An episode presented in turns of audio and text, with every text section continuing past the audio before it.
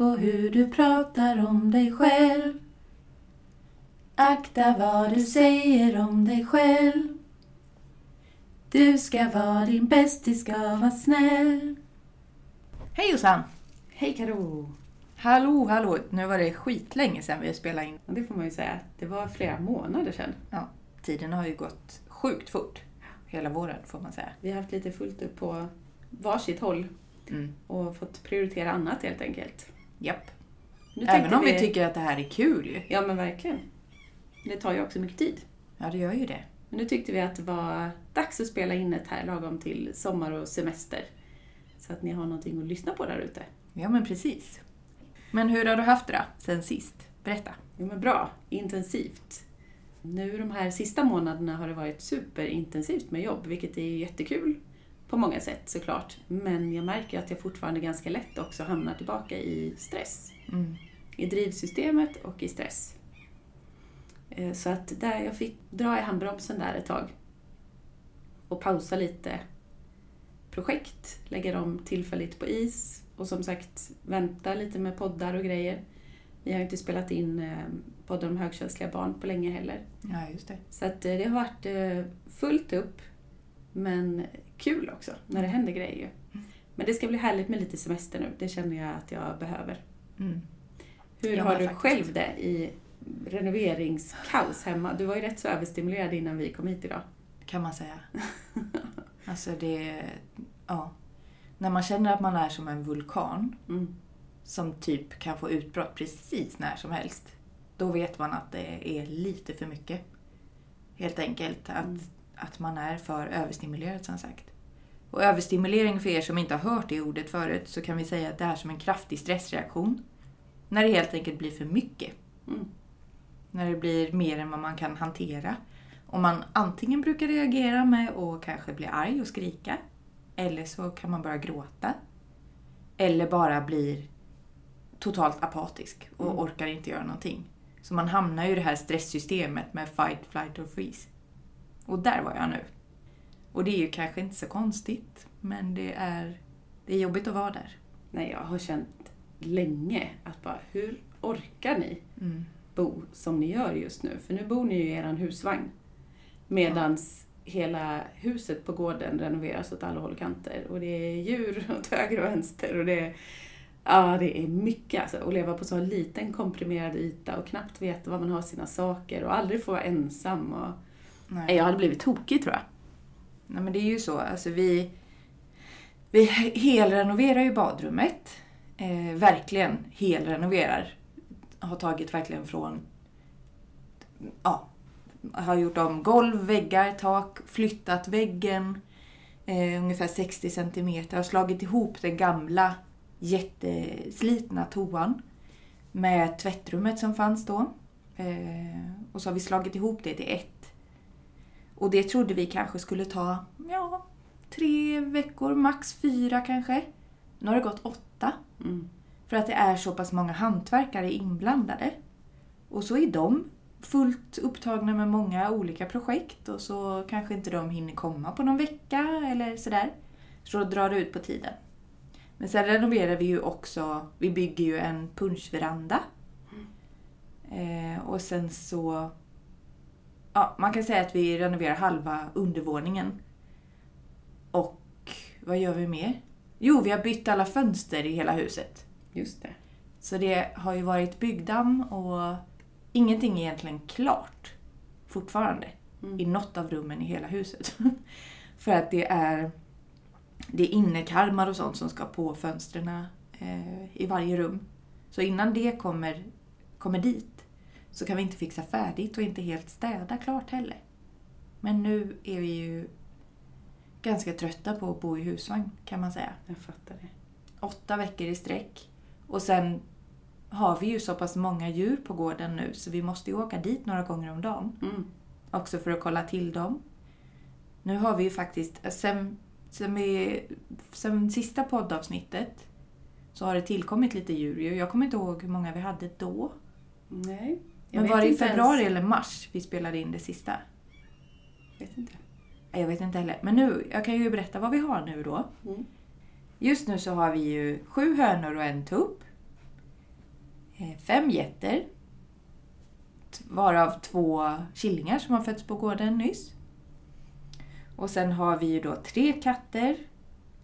Vi har från och med igår kan man ju säga att vi har tre kaniner. Vi hade ju två hankaniner innan och igår så köpte ni en liten hona, Mm. eran familj, som får bo Precis. på gården. Mina barns första djur som de var med och köpte. För hunden har vi ju haft sedan långt innan de föddes. Ja men precis. Så Och- nu parar ju sig kaninerna idag så hoppas vi att vi får ungar här inom några veckor. Det hade varit Ja. jättespännande. Du såg ju den parningen, det gjorde inte jag, men du får berätta, det var ju lite komiskt. Nej, men först hoppade ju på... Nej, först hoppade de runt bara i varandras burar och luktade och bara verkade liksom kolla in läget. Sen började han ju para sig med hennes huvud ett antal gånger. Lite oerfaren älskare. Det såg, såg lite roligt ut. Sen fick de ju till två parningsförs- parningsförsök. Och sen parade hon sig med hans huvud ett tag. Och sen fick de till det tredje försöket som jag tror var all the way. För då gnydde han till på slutet och sen ramlade han av så jag trodde han dog. Men det ska tydligen vara så. Så nu, eh, ja, nu har han skjutit skarpt. Eller som sagt så fick han en liten hjärtattack kanske. Ja, who knows. Det blev för jobbigt. Ja, Nej, säljaren sa ju att det skulle vara så. Mm, Att det inte var något onormalt. nej, då har parningen blivit lyckad. Ja, Så nu hoppas vi som sagt att det kommer kaninungar. Det hade varit jättemysigt. ja men verkligen. det. Men som sagt, vi har ett, eh, ett antal djur som behöver lite omvårdnad och tillsyn varje dag. Mm. Så därför har vi ju behövt åka fram och tillbaka och hit och dit. Och sen har jag ju kontoret vid ja, några kilometer ifrån Mm. där vi bor. Där vi sitter faktiskt just nu och spelar in. Eh, men som jag kommer släppa nu om typ två veckor. Mm. Och sen flytta min verksamhet till gården istället ju. Det har ju blivit framflyttat i flera månader för vi har inte hunnit färdigt. Vi Nej. har inte hunnit renovera där, den lilla stugan eller man ska säga, där jag ska ha min verksamhet. Men eh, från och med augusti så hoppas jag kunna, kunna ta emot för samtal och massage där ute på gården då. Det kommer ju bli toppen. Ja men jag tror det, jag hoppas Mm. det. Det Just nu känns det ganska långt ifrån men, Mm. men det blir säkert bra. Det tror jag ju. Vi glömde ju säga också att vi har haft retreat nu nyligen också. Just det. Det är bara två, tre veckor sedan. Mm. Då hade vi ju retreat på Säbyholms gård med inriktning stresshantering, mental träning och mindfulness. Mm. Ehm, Så det var ju också några intensiva dagar runt omkring det och du råkade ju bli sjuk. Så då var det ju dubbelt upp för mig intensivt där dagen innan. Mm. Eh, Men jag är så tacksam nu för tiden för att jag har hittat så bra verktyg. För jag kände, även om det var mycket att, att göra och hålla, många olika trådar att hålla i, så kände jag mig aldrig riktigt stressad så att jag mådde dåligt av det. Ja, vad skönt. Det var jätteskönt. Vad använder du då för verktyg då? Vad var det som hjälpte dig? Nej, men jättemycket tror jag ehm, det här träna med att släppa värderingar. Mm. Det är vad det är. Okej, nu är du sjuk, det är vad det är. Men då får jag göra det bästa av saken. Mm. Eh, sen också se till att ta pauser ordentligt och prioritera min återhämtning och inte tumma på det. Mm. Eh, och sen, ja, men tror, jag tror också att det handlar mycket om att släppa lite på kontrollen Mm. och eh, släppa också lite på det här att allting ska vara perfekt. Mm. För det går inte. Utan jag tror jag mer och mer landar i liksom, good enough. Är tillräckligt nog. Precis. Ehm, Att det vi har och det vi erbjuder, det är jättebra. Men sen kan inte jag påverka allt runt omkring. Nej. Och hur varje deltagare tar till sig det och så. Utan det är deras egen resa. Mm. Men eh, jag, jag är snällare mot mig själv nu för tiden. Och jag har mycket mer självmedkänsla nu för tiden. Mm. Det är det vi ska prata om idag ju, Ja men precis. tänkte vi ju. Mm.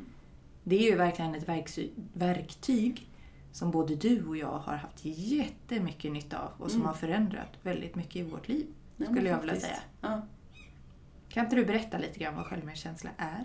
Vi har ju pratat om det lite, lite kort i tidigare avsnitt men idag tänkte vi gå in lite mer på djupet faktiskt Ja, av men det. precis. På djupet! På djupet. Med systrarna HSB. Exakt. Nej jag skojar. Men just det här, vi ska berätta lite mer om vad det är Mm. och hur man faktiskt kan, kan använda sig av det. Det heter ju mindful self-compassion på engelska. Mm. Så det är ju också ihopkopplat med det här med mindfulness. Och att vara medvetet närvarande här och nu och så. Så vi har väl kommit in på det från början genom det här med mindfulness som vi har båda utbildat oss till instruktörer inom. Mm. Sen gick jag ju en bara sån här kort två eller tre dagars utbildning i självmedkänsla för några år sedan. Mm. Och i höstas så gick jag en längre eh, onlineutbildning kring självmedkänsla. Men det baseras ju i alla fall på tre olika delar. Där det ena är att man är vänlig mot sig själv kontra att man då är fördömande mot sig själv eller bara är självkritisk. Och det handlar egentligen om att behandla sig själv med omsorg och förståelse och värme och kärlek. Sen del två, det handlar om allmänmänsklighet. Det vill säga att man tar in och förstår att man inte är ensam. Att det är mänskligt att känna så här, att uppleva det här, det här är livet. Eh, och en del av att vara människa. Istället för att man isolerar sig och tänker att det är bara jag som har det så här. Det är bara jag som lider på det här sättet eller det är bara jag som känner de här jobbiga, starka känslorna. Och sen det tredje är mindfulness då.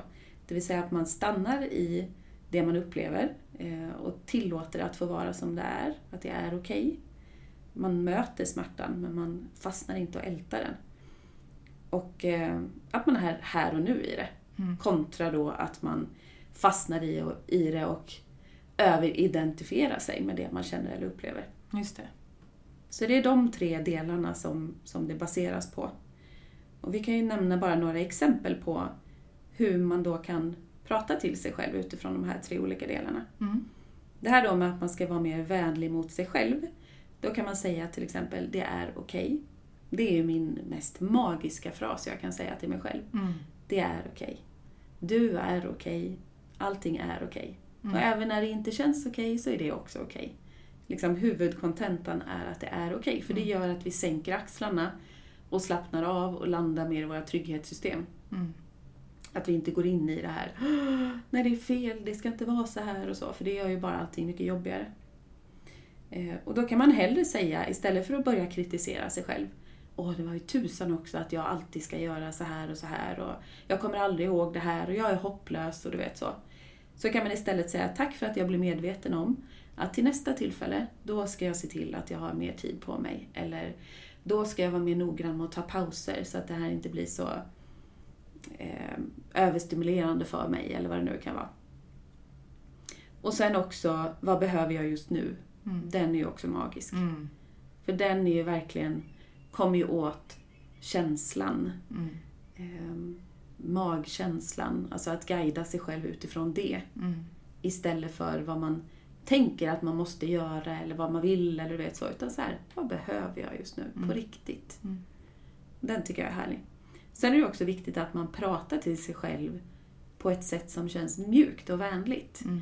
Istället för att man använder den där hårda, skarpa, vad fasen, du är hopplös. Alltså det blir ju som att man nästan mobbar sig själv. Mm. Till att så här, vet du vad, det är okej. Det här kommer gå över. Mm. Det kommer lösa sig. Det gör ju också att man blir mer så här, oh, okej, det är lugnt. Det handlar ju egentligen om att man börjar behandla sig själv så som man behandlar dem som man Precis. älskar allra mest. Mm. Alltså det handlar ju om att faktiskt bli snäll mot sig själv. Mm. Behandla sig själv med respekt och med omtanke. Och med vänlighet. Mm. Ja, men exakt. Och sen det här då hur man kan säga eller göra för att förstå att det är allmänmänskligt att känna och uppleva det här. Så kan man säga till sig själv till exempel, jag är inte ensam om att känna så här. Eller att känna så här eller lida eller så är också en del av livet. Mm. Att det är också känslor som vi är med om och upplever. En del av att vara människa. Ja, men det är ju verkligen det. Eh, Eller jaha, så det är så här det känns när man har hjärtesorg. Eller så det är så här det känns när man eh, skäms över någonting. Alltså mer så här, se på det lite konstaterande. Mm. Och inte gå totalt in i känslan utan mer så här, mhm, Lite det är objektivt. så här. Ja. Mm. Och eh, att det är okej att misslyckas och göra fel. Det är också en del av att vara människa. Mm. Och det är ofta därigenom som vi faktiskt utvecklas och förändras. Mm. Och sen också att ingen är perfekt. Alla gör fel och misstag ibland. Mm. Och det är, det är heller ingenting man ska sträva efter att vara perfekt. För att det är en, en illusion och ingenting som egentligen gör att vi mår bättre Nej. på något sätt. Och för att vara mer mindful då i det här med självmedkänsla, alltså att vara mer medvetet närvarande, så kan man säga till sig själv This too shall pass. Alltså det här kommer också gå över. Mm. Det känns jobbigt just nu men det kommer inte vara så här för alltid. Eller jag är inte mina känslor eller tankar. Det är bara någonting som jag upplever här och nu. Och verkligen konstatera istället för värdera. Det här betyder ingenting. Mm. Bara att jag just här och nu känner så här. Mm. Det gör också att man, får, man förhåller sig till det på ett lite annorlunda sätt. Mm. Och det gör att det blir lättare att hantera. Ja, men precis. Så jag har haft jättestor nytta av det här med självmedkänsla. Men det är ju en träningssak. Nej, det är ju det. Och det är ju ingenting som kanske kommer helt naturligt, utan det är någonting som man får träna på. Mm. Jag tänker både för dig och mig. Alltså när du var yngre, och när jag var yngre för den delen, så hade ju varken du eller jag särskilt mycket självmedkänsla. Nej, herregud. Nej, Alltså, jag, jag var hade ju min egen värsta kritiker som Ja. sagt. Jag var ju väldigt, väldigt kritisk till min kropp. Mm. Jag var så arg på min kropp. Och jag, jag dömde den så hårt. Alltså jag tittade mycket på utseendet och jag tyckte inte att den var fin nog. Jag hittade alla möjliga brister och fel på den. Jag hade fula ben och utstående öron och för stor näsa och allt var fel. Allt, allt, allt. Och sen var jag också besviken på min kropp för att den var så känslig. Mm. Jag skämdes. Eh, Jag skämdes för att den var så känslig. Jag skämdes för att jag blev sjuk. Alltså just det här eh, att koppla ihop att jag var klen. Mm. Alltså att allt det som var med kroppen, det blev, det blev jag som var fel på något sätt. Och det tror jag också är ganska vanligt där att man kritiserar sin kropp när man är ofrivilligt barnlös också. Ja, att, att man blir kropp, besviken. Hur svårt ska det vara liksom? Ja, man Varför funkar arg. det för alla andra men inte för mig? Och vad, vad är det för fel? Och, men du vet sådär. Mm. Ja, ja, visst. Verkligen blir arg och besviken på sin kropp Mm. och, och dömer den och kritiserar och nästan kanske inte ens vill veta av den. Nej. Vi hade ju en, en deltagare på retreatet nu som berättade att hon, hon hade haft en fästing på magen. Mm. Men hon hade inte märkt det på flera dagar. Den hade hunnit bli ganska stor. För att hon faktiskt inte tyckte om att titta på sin kropp. Mm. Så även fast hon hade duschat och alltihopa så Jag har helt missat den. hon hade missat den för att hon knappt ville kännas av sin kropp. Liksom. Mm.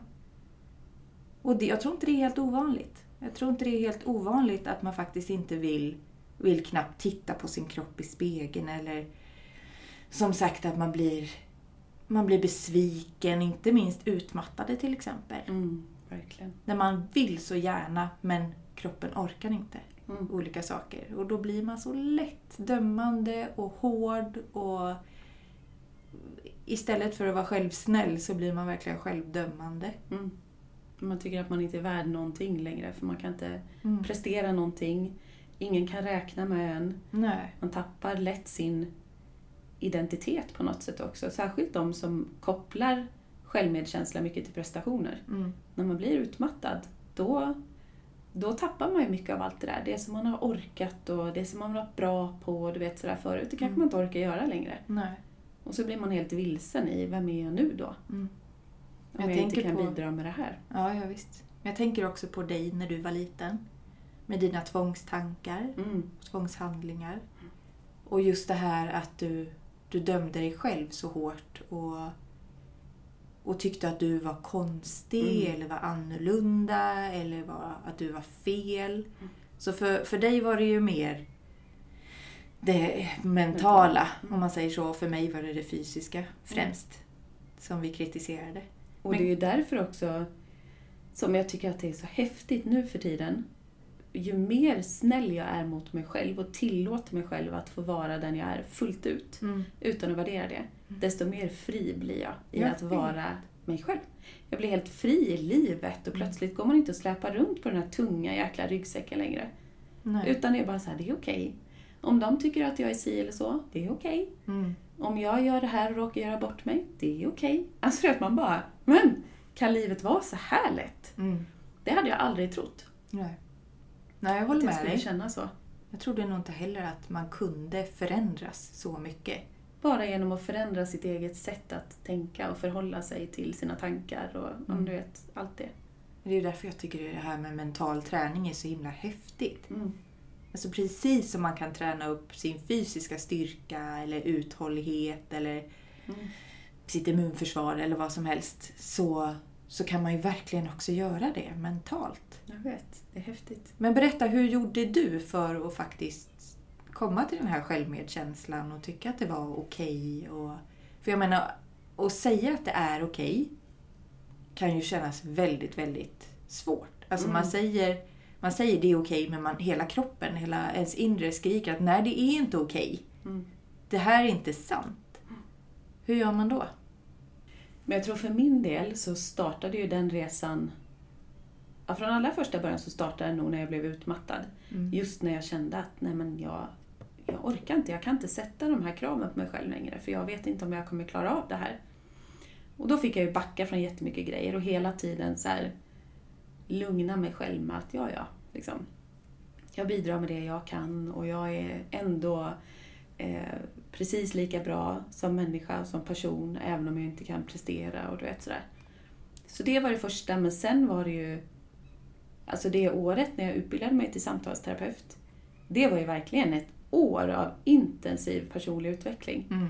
Fine att jag lärde mig också såklart hur man kan vägleda andra, men jäklar vad jag dykte i mig själv alltså. Mm.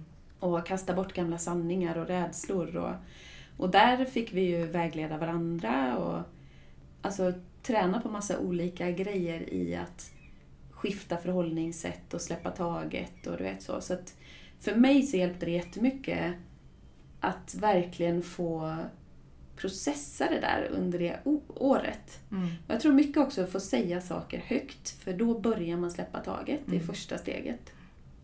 Och man måste också bli, bli medveten om vad det handlar om innan man kan släppa taget och förändra någonting. Mm. Så genom att verkligen lägga korten på bordet, att så här, jaha okej, det är på det här sättet.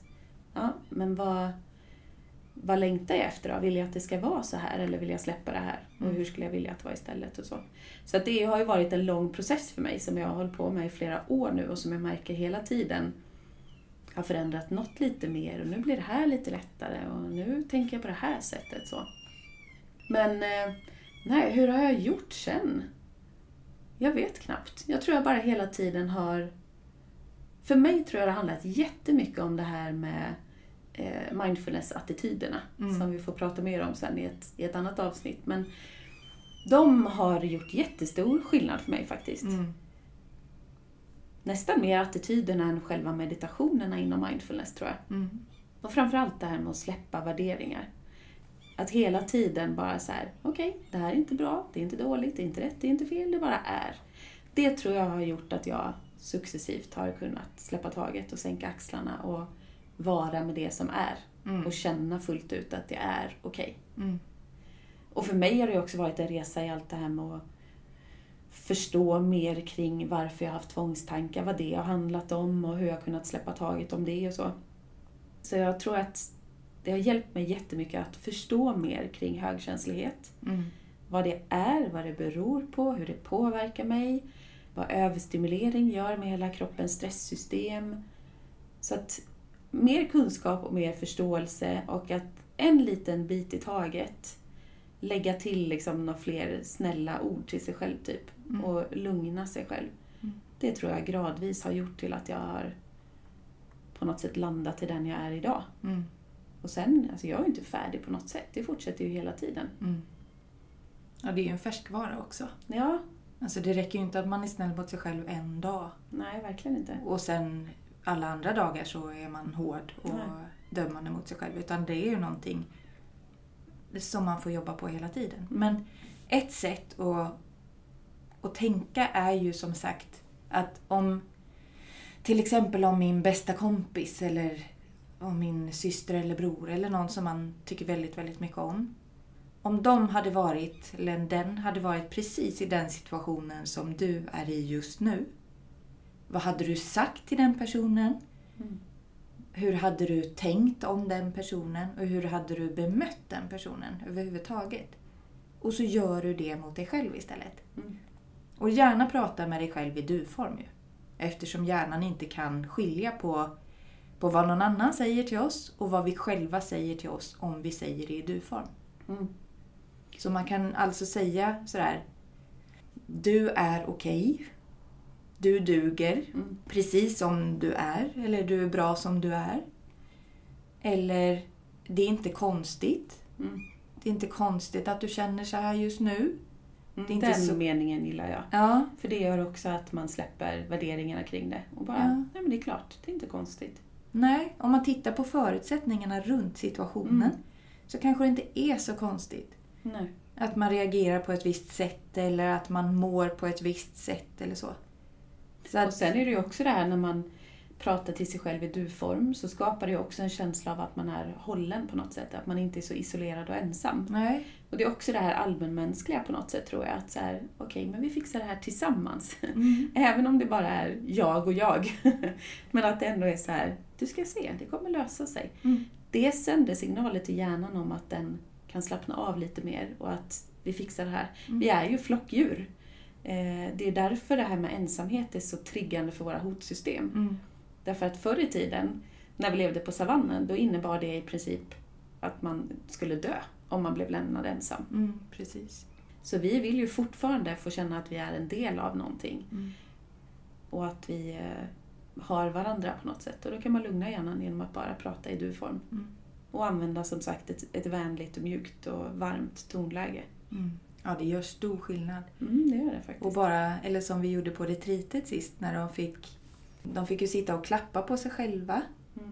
Det låter ju roligt. Ja, Du får ju berätta att du sitter och håller om dina egna armar nu också. Som Ja. att du kramar dig själv. Ja men precis. De Mm. fick ju blunda och så fick de sitta och krama om sig själva. Och så fick de säga det som de behövde höra. Mm. Fast tyst eller högt, det fick de ju välja själva. Och de var ju ganska sådär... De trodde ju inte riktigt att det skulle funka på dem Nej. innan. Men, men vad det hände häftiga saker i dem Verkligen. när de började göra det. Det var Mm. en som till och med fick lite så här lyckobubbel i magen och Mm. bara Men gud, det här var häftigt på Mm. riktigt. Att jag kan lugna mig själv och trygga mig själv. Liksom. Ja. Ja, precis. Och så hade hon alltid trott att hon behövde söka det utanför sig själv. Få det från någon annan. Och helt plötsligt så fick hon bara en liten, liten inblick eller en liten känsla av att det här kan jag bara med ge till mig själv. Exakt. Jag behöver inte, jag behöver inte leta det från, eller få det från någon annan. Nej. Och därför behöver jag inte känna mig så ensam heller. Nej. Så att nej, det är häftigt det där. Men jag tänker på mig då som, som ändå har varit så dömande mot min kropp. Både utseendemässigt och funktionellt eller vad man säger så. Jag har ju verkligen tänkt om på det också. Mm. Just utseendemässigt så fokuserar jag inte alls lika mycket på bara utseendet. Jag, jag fokuserar ju på funktionen och tacksamheten Mm. i att faktiskt kroppen... Att jag både kan se, jag kan höra, jag kan känna, jag kan lukta, jag kan smaka, jag kan... Jag kan känna så mycket bara genom att kroppen låter mig få göra det. Mm. Alltså jag tänker de som faktiskt inte kan det. Alltså bara att förlora ett sinne. Mm. Hur mycket det gör. Och Jag hur mycket man bara tar det- för givet. Eller hur? Och jag märkte ju bara det efter jag hade haft covid och förlorade luktsinnet nu i över ett år. Ja. Det var ju så tråkigt för lukten är också så mycket förknippad med olika minnen. Mm. Så man tappar så mycket när man, när man mister det sinnet. Mm. Och jag kände verkligen att det var tråkigt. Mm. Och då blir man ju återigen så här, men tack för att jag kan känna dofter. Mm. Tack för att jag kan se, tack för att jag kan höra och känna och smaka. Precis. Ja. Mm. Så jag, jag gör nog det ganska ofta nu för tiden att jag faktiskt säger tack till min kropp. Mm. Istället för att säga så här, åh vad du är dålig eller åh vad du är ful eller vad som helst. Så bara tack! Tack för att du gör så att jag kunde ta mig till stranden idag. Mm. Eller tack för att du lät mig få se allt det där underbara i naturen just nu. Eller tack för att du låter mig få känna alla, alla härliga dofter. Mm. Bara det har gjort så stor skillnad. Och sen också det här med att konstatera istället för att värdera. Mm. Okej, min näsa kanske är lite större än regelnäsan i Sverige. Men vad spelar det för roll egentligen? Nej. Alltså på riktigt. Och det roliga är att det där har ju suttit i ditt egna huvud. Mm. Jag tänker aldrig på din näsa. Tycker den är helt proportionerlig i ditt ansikte. Så att det är så mycket som man går och inbillar sig själv. Sådana Mm. sanningar. Mm. Jag är, är ful eller jag är dålig på det här eller min näsa är för stor. Och så du vet, går man och matar sig själv med det varje dag, år Mm. ut och år in. Det är ju inte konstigt att livet blir tungt till sist att Nej. leva.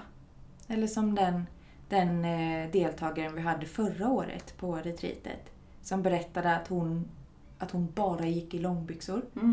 Året runt. Alltså hon, Hur varmt det än var. hur varmt det än var ja, så ville hon aldrig ha på sig klänning, kjol eller shorts. Eh, för att hon hade fått för sig att hon hade fula ben. Mm. Precis som jag har fått, hade fått för mig det i många år och inte hade kjol eller klänning eller så heller. I alla fall inte korta. Men, och vad det begränsar en. Mm. Bara den där tanken att mina ben är fula. Jag kan inte ha på mig sånt. Som kanske inte ens är sant. Nej. Vem Verkligen. är det som säger vad som är ful- fult eller fint eller bra eller dåligt? Men det var ju häftigt för det var ju en annan deltagare på det retreatet som hade en klänning på sig som den andra deltagaren blev helt kär i. Mm. Och bara, gud vilken fantastisk klänning. Den där var så fin. Men, och så sa hon ju först, åh sånt skulle jag också vilja ha men det kan jag ju inte. Mm. Och så utmanade vi lite henne där. Just det där, varför kan du inte det? Köp den och ha på dig inomhus först. Ingen annan behöver se. Och sen kan du ta små, små steg. Kanske gå till brevlådan och tillbaka in igen. Eller sådär. Och ef- några veckor var det va? Efter retreatet. Mm. Så mejlar hon, tror jag det var. Och skrev att hon hade köpt faktiskt en sån klänning nu. Mm. Och att hon faktiskt till och med hade vågat ha den på sig. Mm. Så häftigt. Så häftigt! Och hur fri hon helt plötsligt kände sig och så lycklig. Att hon inte lät sig styras av alla de där begränsande sanningarna längre. Mm. Utan att faktiskt hon, känner, kände hon för att ha den klänningen så banne mig. Och där ser man ju vad mycket det eh, vad mycket man kan påverka varandra också när man träffas så i en grupp. Mm. Alltså vad mycket deltagarna kan bidra till varandra och inspirera. Och att det skapas en känsla av gemenskap och att man inte är så konstig och udda som man kanske tänker i sitt egna lilla huvud. Mm. Utan bara så här, "Jaha, men vi är fler som är på det här sättet och tänker så här. Ja. Eller, Det tror jag nästan alla, blir, alla deltagare som kommer till oss blir nog mer eller mindre förvånade. Hur Mm. lika man är Mm, de andra som kommer dit på många sätt. mm, Det är klart att man inte är lik på allt, men det är verkligen många liknande eh, faktorer. Det tycker jag var så häftigt nu. För jag vet ju det från flera retreat så har det varit deltagare som har fortsatt att hålla kontakten. Som har ringt varandra eller mejlat eller vet sådär. Och nu var det ju två deltagare, eller tre egentligen, som var med det här eh, sista retreatet som hade varit med i höstas Mm. på retreatet om högkänslighet. Som hade fortsatt att hålla kontakten och två av dem bodde ganska nära varandra. Eh, och träffas och fikar och du vet så. Bara, så häftigt! Mm. Så att det är ju ofta som de vill liksom byta kontaktuppgifter med varandra och eh, sådär. Mm. Faktiskt kunna fortsätta ha någon typ av kontakt. Ja, för det man märker vi det ju att det finns ju en längtan efter samhörighet Mm. och gemenskap. Och det är så vanligt att känna känslan av ensamhet. Ja, verkligen. Det är ganska ofta den känslan beskrivs just på retreaten. Mm. Det är många deltagare som berättar det, att de känner sig ensamma och inte riktigt har hittat sin grupp och Nej. du vet sådär. Och saknar fler högkänsliga. Mm. Och faktiskt eh, ses med eller höras med eller bara Mm. kunna spegla sig i. Bara känna att man är inte ensam och konstig utan det finns fler Verkligen. som upplever livet ganska liknande. Ja, det är, det är häftigt att ha de retreaten. Det är, som sagt händer mycket grejer där på bara några dagar. Mm. Ja, det är jättehäftigt. Men du, ska vi berätta lite om det här varför självmedkänsla är viktigt då? Mm, ja, men det kan vi göra. För det är ju mycket det här att, att man då inte ältar sina misslyckanden. Utan man ser dem för vad de är här och nu och sen släpper man taget om dem. Mm. Och att man tillåter sig att våga prova. Istället för att man bara så här, tänk om jag misslyckas? Nej, jag vågar inte. Ja, men precis. Och sen att också acceptera hela sig själv. Mm. Med alla fel och brister och att man lägger fokus på att man duger och är tillräcklig. Och det gör också att man inte blir lika sårbar för kritik. Nej, precis. Eller att jämföra sig med andra hela tiden. Så man tillåter ju både sig själv och alla andra att få vara som de är. Mm. Och det är ju frihet för mig. Mm. Att få vara den man är fullt ut. Ja men verkligen. Ett tips är ju att skriva antingen på badrumsspegeln eller på insidan av ett skåp eller någonting som man ser och läser varje dag. Och skriva faktiskt du duger som du är. Mm. För ju fler gånger man läser det, desto fler spår bildas det ju i hjärnan. Och så blir det som att man programmerar om hjärnan. Mm. Vi kan faktiskt göra det. Bara genom affirmationer, alltså sådana här positiva påståenden.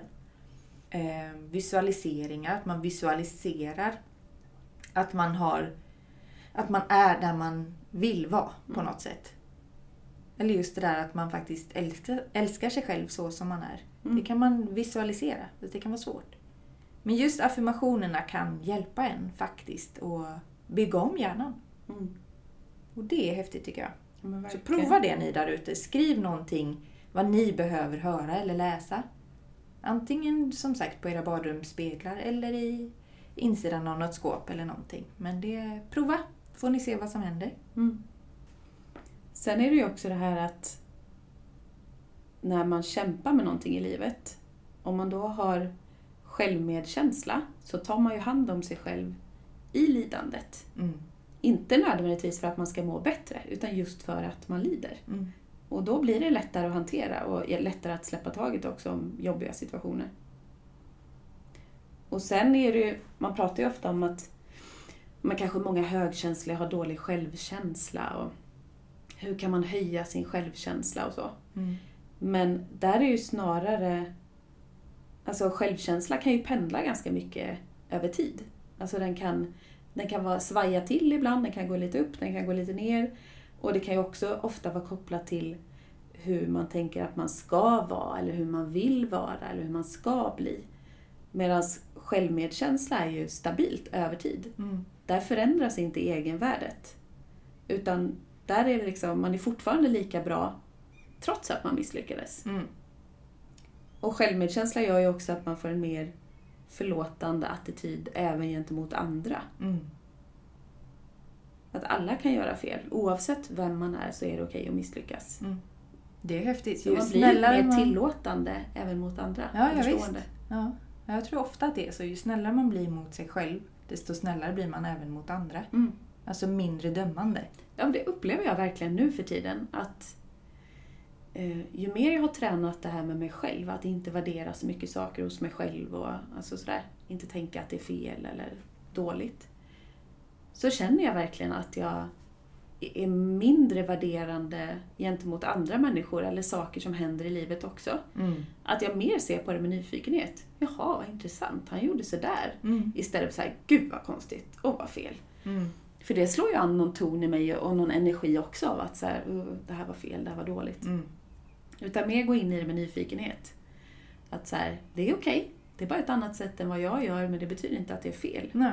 Men vad spännande, det där Mm. vill jag veta mer om. Det tycker jag är en härlig inställning till livet. Där är jag så Mm. glad att jag faktiskt har öppnat upp för det där. Mm. Jag kan absolut också fastna i värderingar. Vi pratade ju om det på retreatet senast. Vi pratade om mindfulness-attityderna. Och vi pratade om det här med att inte värdera.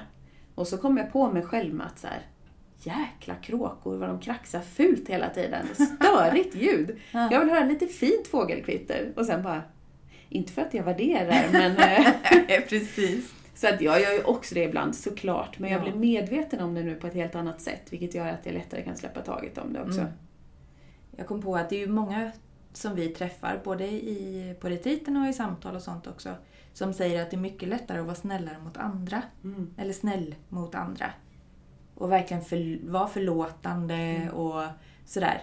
Och att det är jättesvårt mot sig själv. Mm. Och många har ju också missuppfattat lite det här med att vara självsnäll, om man säger så. Och tror att man är egoistisk Mm. eller självisk. Om man bryr sig om sig själv. Om man tar hand om sig själv. För man kanske har fått höra det där både av tidigare generationer eller sådär att man har hört att "Ja, men, hon var en så fantastisk människa. Hon, hon brydde sig alltid om andra. Hon Exakt. tänkte aldrig på sig själv. Mm. Och, hon fanns alltid där och, och hjälpte alla andra hela tiden. Och då blir det ju lätt Att man ser det där och som egoistiskt, Mm. som själviskt. Om man bryr sig om sig själv, om man tar hand om sig själv, om man faktiskt sätter gränser och, och står upp för sig själv. Mm. Alltså det är ju, det är ju verkligen, verkligen inte själviskt. Nej. Det är ju inte egoistiskt för fem öre.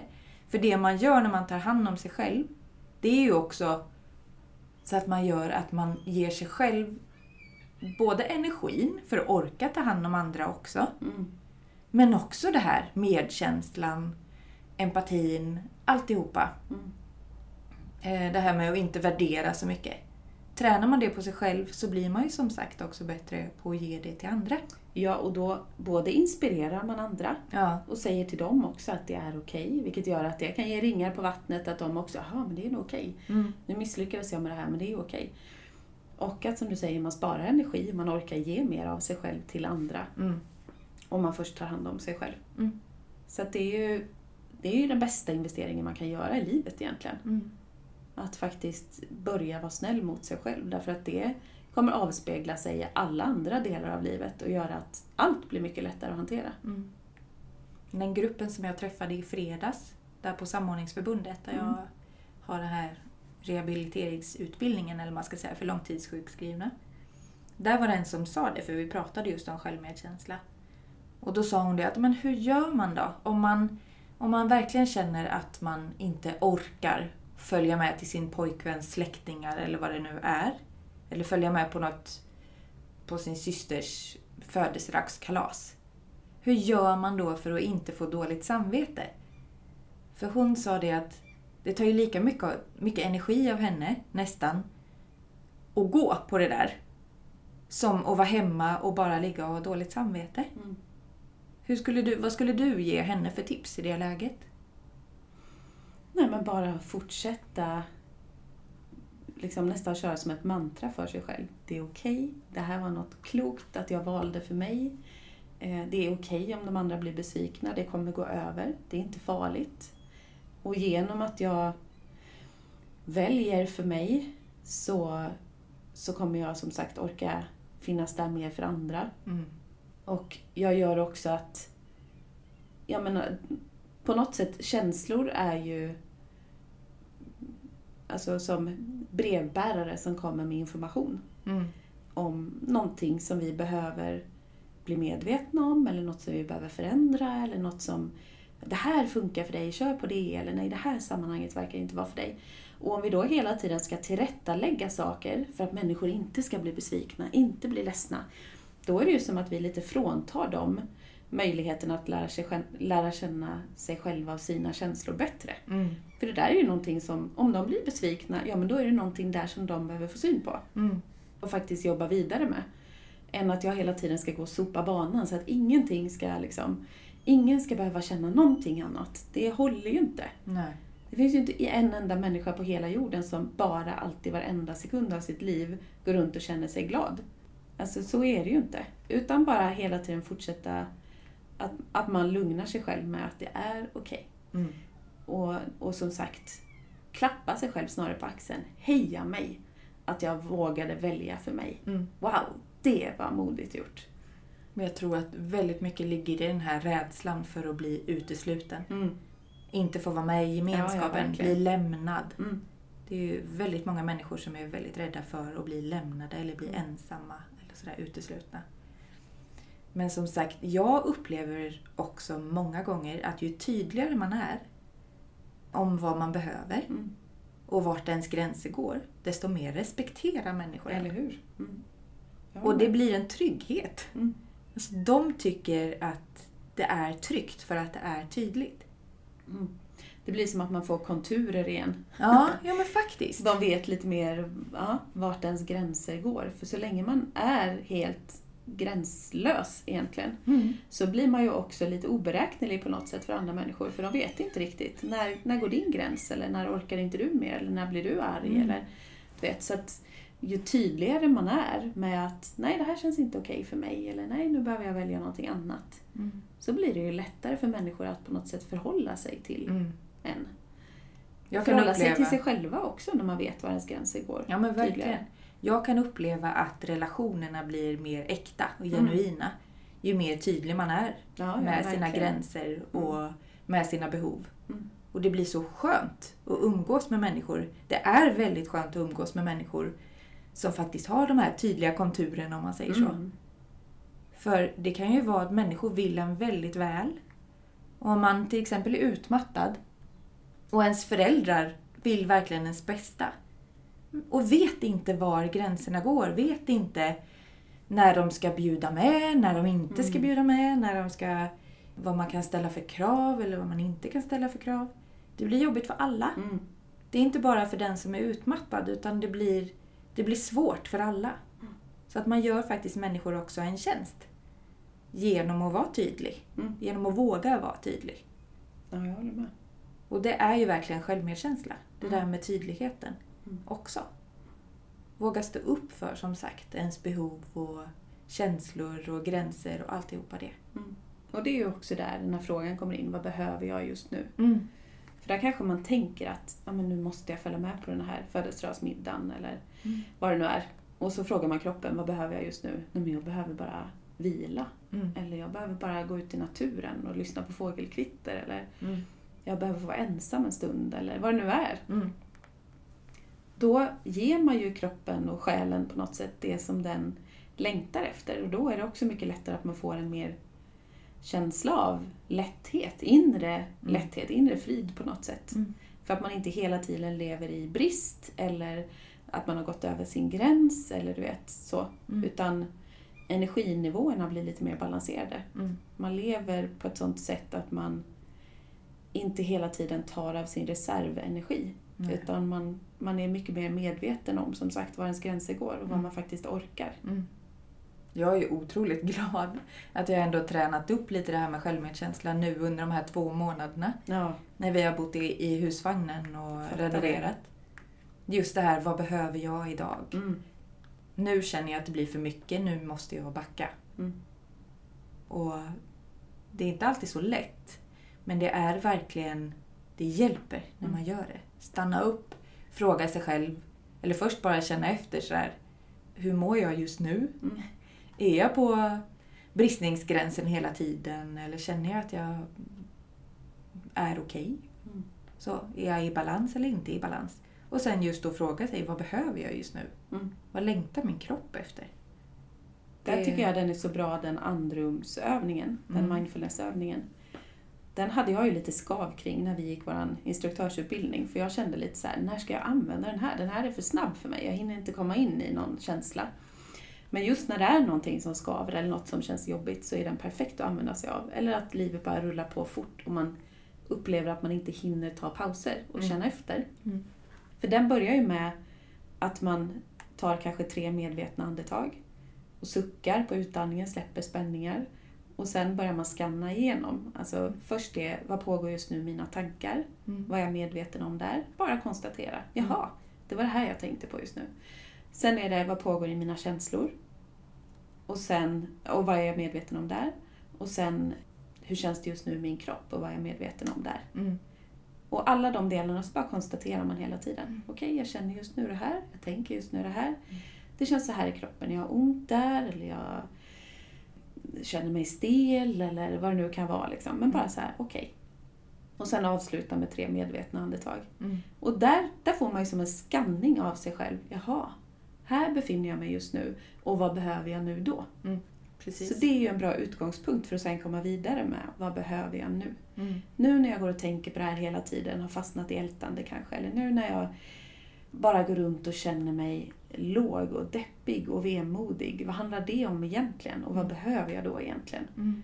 Det är för mig också att ha självmedkänsla, att ta hand om det som är. Mm.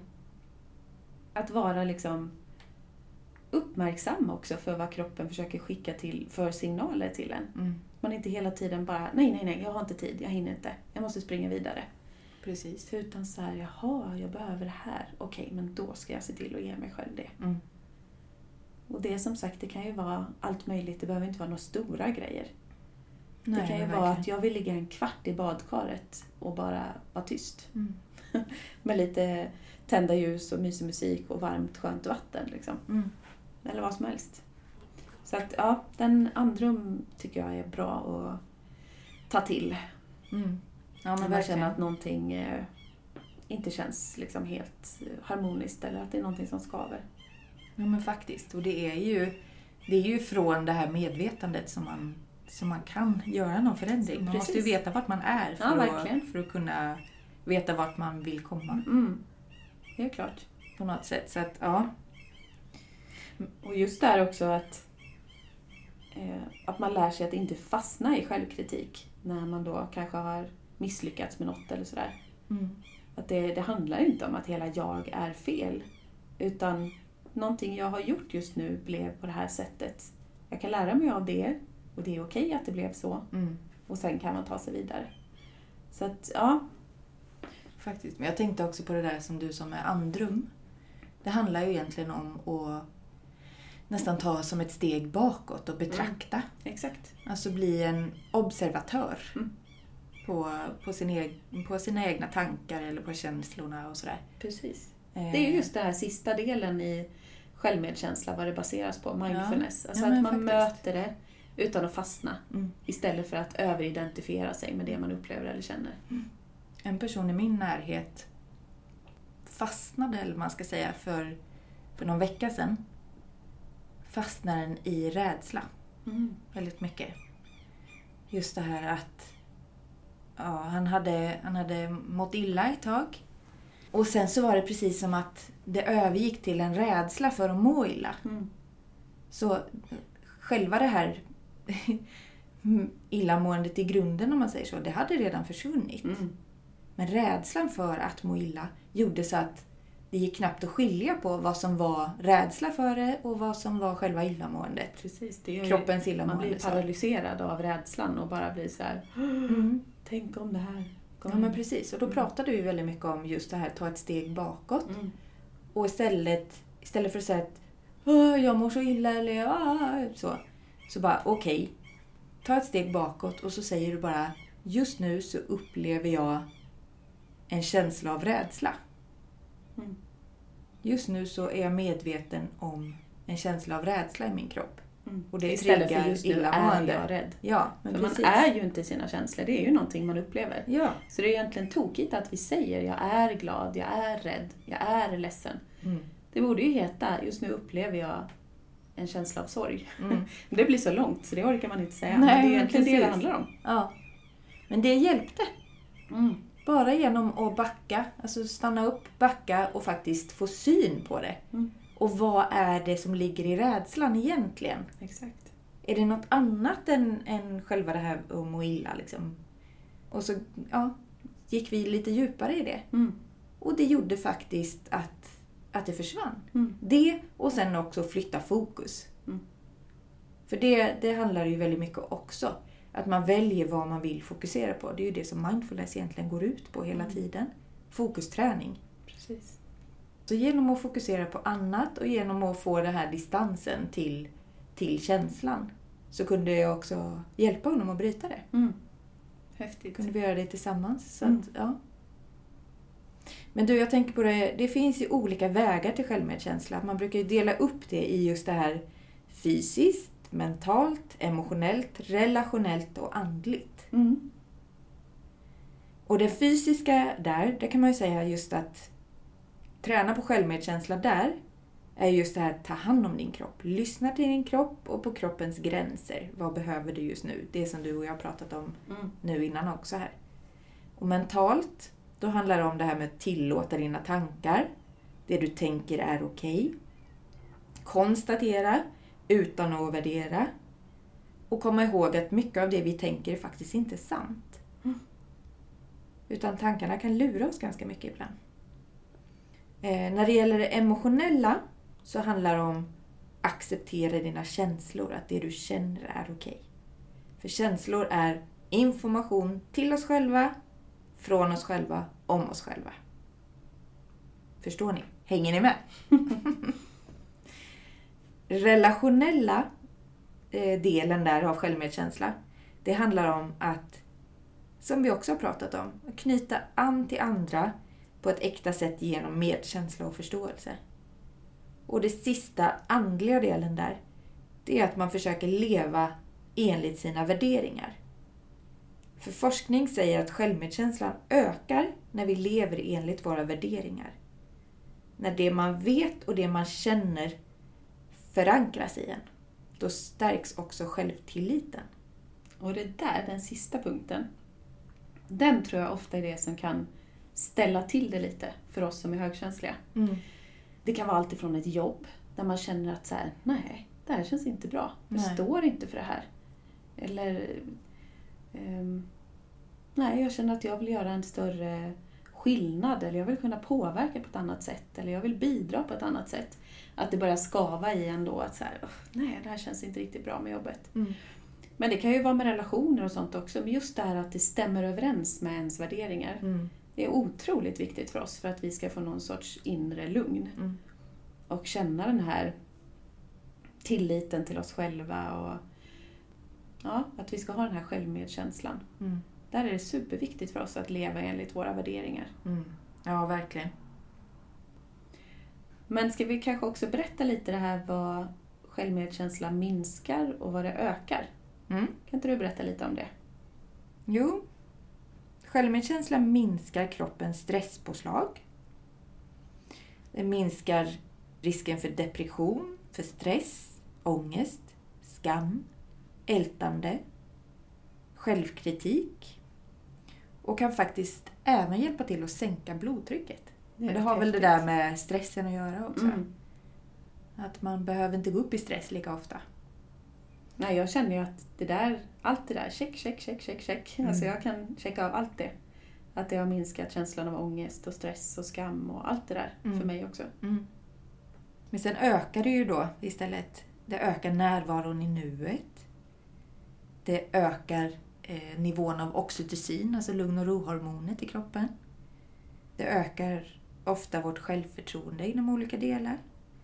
Nyfikenhet, optimism, kreativitet, acceptans, glädje, välbefinnande, tacksamhet och lycka. Mm. Det är härliga ord. Verkligen. Så man vill gärna inte känna mer av det. Nej. Mm. Men tänk vad det påverkar. Tänk vad det kan förändra liv. Jag tänkte, exempel är ju alltid bra. Mm. Jag har ett, ett exempel från nu tidigare i våras när jag märkte att jag verkligen hade nytta av det här med självmedkänsla. Mm. När min man var iväg någonstans och jag och barnen skulle ha en myskväll själva. Och så hade jag sagt så här att ja, men då kan vi göra egen pizza hemma och så kollar vi på Masked Singer tror jag det var och så har vi myskväll liksom. Och sen så när jag då hade gjort de här pizzorna så var det ju som, jag vet inte vad som blev fel. Det var såna färdigdegar till och med, så det borde vara idiotsäkert. Men i alla fall, det var som att äta knäckebröd i alla fall. Så barnen försökte lite så här. Så bara, du mamma, det här var inte så gott. Så först kände jag, min första liksom, impuls var så här, fasen också. Jag kan inte ens lyckas med, du vet, färdig pizza liksom. Men sen, det var så coolt. Det var inte länge jag var där kan jag säga. För nästan på en gång så byttes det över till, men det är okej. Skitsamma. Och jag orkade inte ställa mig och laga om någon, egen, någon ny mat. Så att det var typ så här, jag tror det ena barnet åt så här kokt ägg och macka eller något och det andra åt yoghurt. Och där var ju, för mig har ju alltid fredagkvällar varit heliga. Då ska man äta mysmat och ha myskväll och du vet så. Så först var det lite så här, åh, yoghurt och ägg liksom. Det här var inte alls. Och sen bara, men det är okej. Det här betyder ingenting. Det betyder inte att jag är en sämre mamma. Mm. Det betyder inte att vi kommer få en sämre myskväll. Alltså barnen bryr sig ju inte egentligen. Det här var en kväll av alla livets kvällar. Mm. Skitsamma. Mm. Det här blir bra ändå. Och det var så skönt. Det var som att lägga ett mjukt varmt täcke liksom om sig själv. När man bara, det är okej. Mm. Det är okej.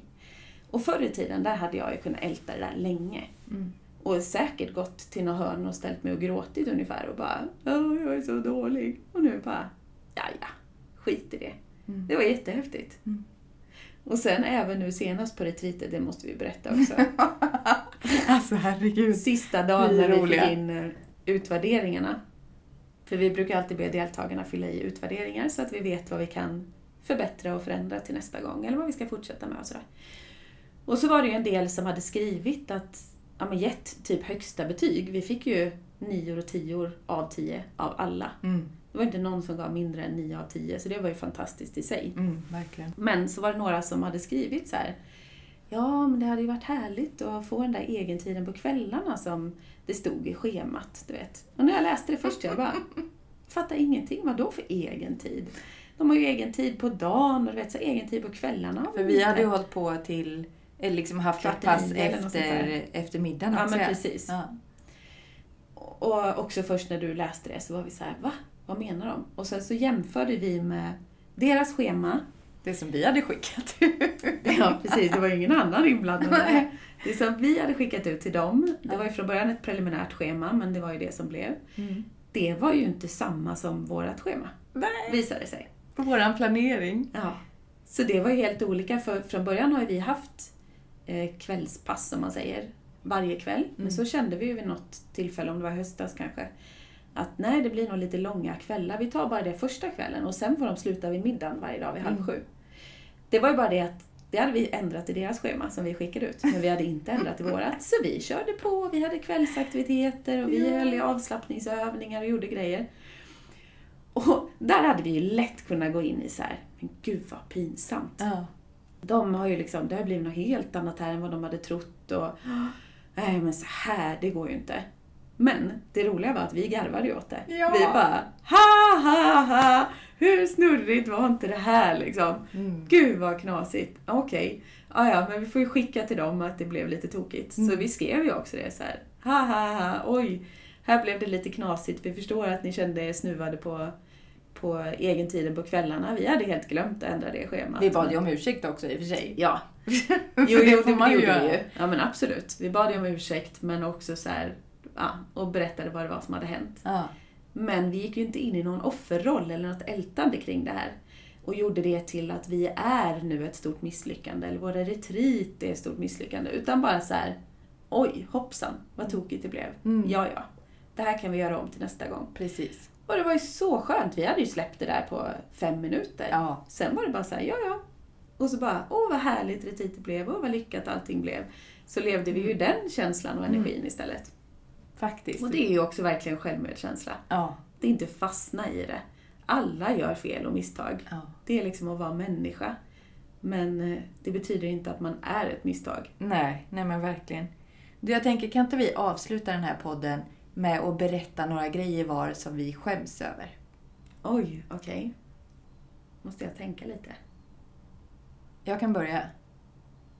Ja. Jag har förskräcklig fotsvett. Alltså det luktar så sjukt illa av mina fötter ibland. Och det kan vara jätteskämmigt. Ja. Jättepinigt, ja. som vi säger. Men eh, herregud, jag är inte ensam om det. I alla fall. Nej, verkligen. Det är tur att det finns lite så här fotdeo och grejer. Ja. Handsvett också.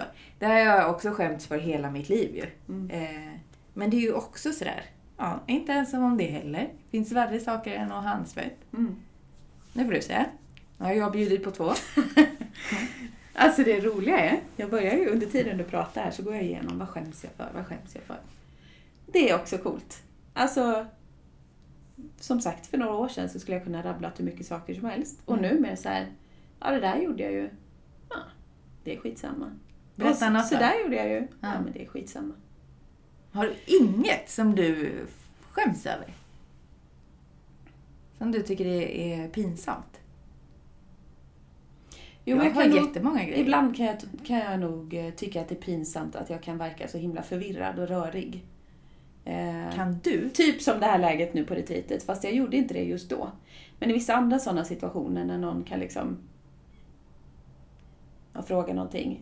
Ja, som till exempel häromdagen eh, så skulle mina svärföräldrar passat våran hund för vi skulle åkt iväg. Och eh, så ringde de på kvällen och bara, typ vid åtta eller någonting, vi skulle kommit kanske vid fem. Jag bara, ja, skulle vi passa Malte eller? Och då hade jag totalt glömt bort att höra av mig till dem. Och jag vet att de är ganska så här, det är viktigt för dem liksom att ha koll på läget och de ville kunna planera och de kanske skulle till några kompisar men då ville de inte ta med hunden dit och då skulle de göra det en annan dag och sådär. Då tror jag jag sa förlåt typ 20 gånger. Jag bara förlåt, förlåt, förlåt, förlåt, förlåt, förlåt, förlåt. jag har helt glömt det här. Så sådana situationer kan jag skämmas lite för, men det går ju också över väldigt fort. Mm. Det är väldigt sällan jag skäms länge för någonting. Mm. Faktiskt. Men vad skönt. Sen gör jag ju massa klant. Alltså jag är ju nog förmodligen en utav jordens klumpigaste människor. Ja. Jag kan ju liksom öppna en kökslucka och så böjer jag mig ner och sen har jag glömt att jag öppnat den. Så smäller jag i huvudet i och sånt. Så jag gör ju mycket sådana här tokiga saker. Och det är klart att det kan ju vara lite pinsamt om någon skulle se det då. Mm. Men det är inte heller sånt som jag fastnar i som jag tycker är jobbigt. Du rakar också mustaschen, eller hur? Ja, gud ja, jag inte alla det. Jag vet inte, men jag gör också i alla fall. Hela är vår familj tror jag. Vi har väl Ja. något babushka-lag kanske eller något. Jag vet inte. Det skäms jag inte heller för. Ja, Nej. det är som det är. Men det är det som Jag också får leta är... djupt här känner jag. Ja, men vad skönt. Jag har ett helt gäng på lager. Men du, kommer, säg någonting som jag... Ja, men jag borde skämmas för. Jag vet inte med dig. Nej. Det är... Nej, alltså jag kommer mest på med mig själv. Men som sagt, det är ju inte så, det är inte så skamligt för mig så att jag inte vågar säga det. Nej, eller så att det begränsar dig på något Nej, sätt. inte längre. Det är ju huvudsaken. Det är ju väldigt, alltså bara det här med handsvetten. Mm. Herregud, det begränsade mig ju massa. Jag vågar ju inte hålla en människa i handen eller knappt. Jag Nej. tyckte det var jättejobbigt att hälsa på människor. Mm. Eller jag har alltid drömt om att dansa någon typ av så här pardansaktigt. Nej, det gick inte förut. Mm. För jag hade handsvett. Alltså nu struntar jag fullständigt i det. Så då får jag väl vara lite svettig i sådana fall. Då. Sen går jag inte runt och är det hela tiden, men mer än många andra. Mm. Absolut. Men just, alltså jag skulle ju kunna skämmas över att jag inte gillar att doppa huvudet till exempel. Mina barn är modigare i vattnet än vad jag är. Mm. Men det är också mer så konstaterande. Ah, nej, jag gillar inte att doppa huvudet, men då skiter jag i det. Mm. Ja. Det, det finns nog mycket saker som jag skulle kunna skämmas över, men som jag faktiskt inte gör. Nej. Eller som jag redan har släppt taget om i alla fall. Och om jag skäms över det så är det ofta en ganska kort och begränsad period och sen släpper jag det rätt Mm. snabbt. Men som sagt, nej, det är nog i så fall att jag kan verka ganska förvirrad ibland. Det var det minsta. Det skyller jag på Alltså, min ställ- utmattning. jag har inte återhämtat mig än, det var några år sedan. Ställer du dig bredvid mig så är du extremt mycket mindre förvirrad. I Ja, alla fall än mig. kanske. Ja. Så att eh, jag är ett bra sällskap om du vill, om du vill känna dig mindre förvirrad. Ja. Men det skäms inte jag över. Att Nej. jag är virrig. Det har jag varit tillräckligt länge för att Ja. ha accepterat.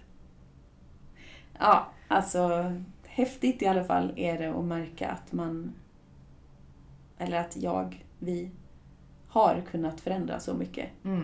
hos oss själva. Mm. Så att det inte påverkar en på samma sätt längre. Att livet faktiskt på riktigt känns mycket lättare att leva. Och det är Mm. inte bara någon floskel som jag säger. Utan jag känner verkligen det, 100 procent. Mm. Jag håller med dig. Man blir väldigt mycket mer fri. Ja, mer självkänsla åt folket. Ja, absolut. Ska vi avsluta dig. med det? Ja, men det gör vi. Ja. Och var snälla mot er själva där ute nu. Mm. Öva, öva, öva, öva på självmedkänsla. Och också det här, vad gör det om tio år? 100 år. Att jag misslyckades med det här, eller att jag gjorde bort mig med det här, eller att det här inte var perfekt. Mm. Skitsamma. Precis. Äh, skit i det. Mm. Det tycker jag om att säga. Mm. Lite då och då. Ja, det är en bra mening. Ja. Men då så Jossan. Ska vi bara passa på också att slänga ut att vi har gått ut med två nya retreatdatum? Vad kan vi göra? För vem vet när nästa poddinspelning blir? Vi får passa på att säga det nu. Exakt. Snart ska vi gå på lite semester med. Ja. Men vi, ska ju ha, vi fortsätter ju att hålla retreat på Säbyholms gård utanför Laholm i Halland. Och nästa retreat är ju 26 till 29 augusti. Mm. Och då är det ju med fokus högkänslighet, känslohantering, mindfulness. Yes. Och där är ju faktiskt 10% boka tidigt rabatt. Mm. Om man anmäler sig sju veckor innan retreatet. Just det. Så det tycker vi att man ska passa på att kolla in. Eh, Och sen eh, är det ju också ett retreat med fokus stresshantering, mental träning och mindfulness. Och det är den 21 till 24 oktober. Mm. Och all info man behöver veta står ju egentligen på min hemsida. Mm. Tankar om hogkänslighet.se. Ja. Och kanske på min, om jag har orkat och in. Men än så länge på min i alla fall. Ja, precis. Ja, så att, eh, där får ni gärna gå in och läsa och eh, höra av er om ni har några frågor eller funderingar kring det. Mm. så hoppas vi att vi får träffa några utav er i höst. Precis. Vi kan, vi jättekul. kan även säga min hemsida. Mm. Om ni vill gå in och antingen boka samtal eller bara gå in och läsa lite om vad jag erbjuder eller läsa lite mer om mig eller så. Eller hitta poddavsnitten. Då är det i alla fall hållbarhälsahalmstad.se i ett ord. Utan prickarna som sagt, så det blir halvbar halsa. Halmstad! Och våra Instagram och Facebook-konton och allt heter ju också Tankar om högkänslighet. Ja, och där på Facebook och Instagram så heter jag ju Hållbar hälsa stresshantering. Yes. Så det kan ni söka på. You know where to find us. Och speciellt Instagram skulle jag in, vad, vad heter det, rekommendera. Mm. Då. Bra, men då tackar vi för idag. Det så får vi. ni ha det fint. Ja, Ha det så bra. och glad sommar! Glad sommar. Hej, hej.